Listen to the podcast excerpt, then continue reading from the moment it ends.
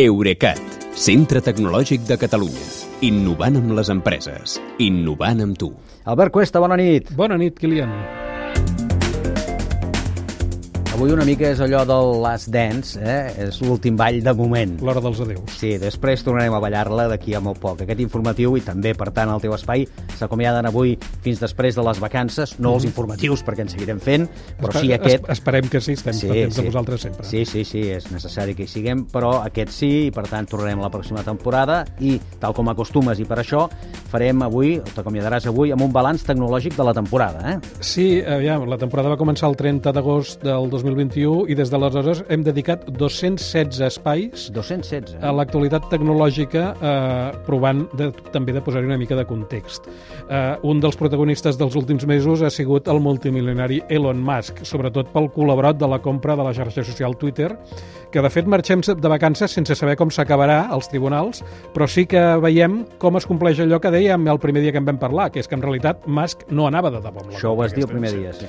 També hem hagut de parlar aquests, aquests mesos més del que hauríem volgut de ciberatacs, de les derivades tecnològiques de la invasió d'Ucraïna per Rússia, de caigudes de serveis digitals que afecten molta gent, potser perquè confien més del que convindria, d'aquell etern estira i arronsa entre els gegants eh, d'internet amb la seva voracitat per les dades personals i, per altra banda, les autoritats europees que proven de frenar-les, i de les aplicacions eh, sorprenents de la intel·ligència artificial. Mhm.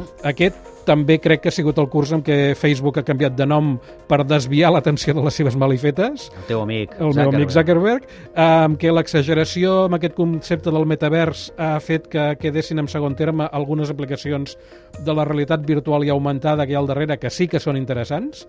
També hem començat a parlar de 6G quan encara no tothom té 5G Ni de bon tros. i s'ha començat a omplir l'espai de satèl·lits per ampliar la cobertura.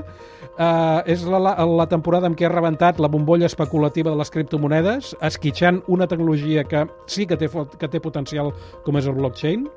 És, uh, recordem que és l'any que els mòbils BlackBerry han deixat de funcionar definitivament, I molta gent ha plorat definitivament, també. com inclòs jo mateix, Sí. mentre que altres smartphones costen cada vegada més de diferenciar els uns dels altres, com explicàvem ahir Sí.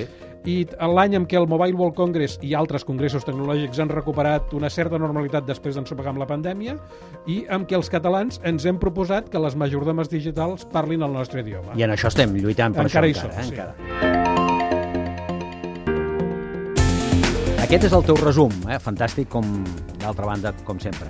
Però també tenim el dels oients. I no sé si tots dos casen al 100%. No del tot, No del tot. no del tot. A partir de l'historial d'audicions del podcast, que us hi podeu subscriure, i de la web de Catalunya Ràdio, sabem que els nostres oients els han cridat especialment l'atenció per aquest ordre.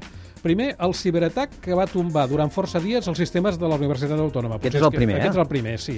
El segon és la, el compromís d'Apple de començar a vendre als usuaris recanvis per, fa- per reparar els seus iPhones. tant. O sigui que tenim uns quants oients que tenen iPhone Sí. interessats en reparar-lo. Uh, en tercer lloc, el risc de portar uns falsos protectors contra la radiació de les antenes 5G. Ho recordo, allò, Sí? sí? recordo.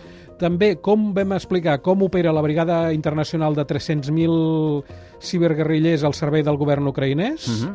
I, eh, finalment, en cinquè lloc, un clàssic que mai passa de moda, que és com triar una contrasenya que estigui tan segura com fàcil de recordar. Això és el top dels nostres oients. Aquest seria eh? el top 5, exacte. Sí. Dit això, eh, acabem, deixa'm acabar agraint un any més al Centre Tecnològic Eurecat el suport que és el que ens ha permès fer cada nit eh, en plena independència, val la pena destacar-ho, aquest espai. Eh, els tècnics de l'estudi i els del control central de l'emissora, la seva inestimable ajuda sempre. Sí. I a tu i el Gerard López, la vostra confiança amb el meu criteri. I, bueno, i naturalment, els oients del directe i els del podcast, la seva atenció. Uh, després de les vacances ens retrobarem cada nit a l'antena de Catalunya Ràdio amb més actualitat rellevant del món de la tecnologia. Estigueu molt pendents eh, d'això perquè ja quedarem en dia, en dia serà cada dia, eh? i en hora. Ja ho explicarem tot quan sigui el moment, però aquí estarem, en efecte, amb el Catalunya Nit. I si mentrestant passa alguna cosa destacable, segurament l'explicaràs igual, però el teu Twitter, no? Arroba Albert Cuesta seria? Sí, jo és que crec que no me'n podré estar. ja, ja ho saps. Segur que no. Que vagi bé, bon estiu. Gràcies, Albert, Bones per tot. vacances, Kilian. Fins aviat. Eurecat, centre tecnològic de Catalunya. Innovant amb les empreses. Innovant amb tu.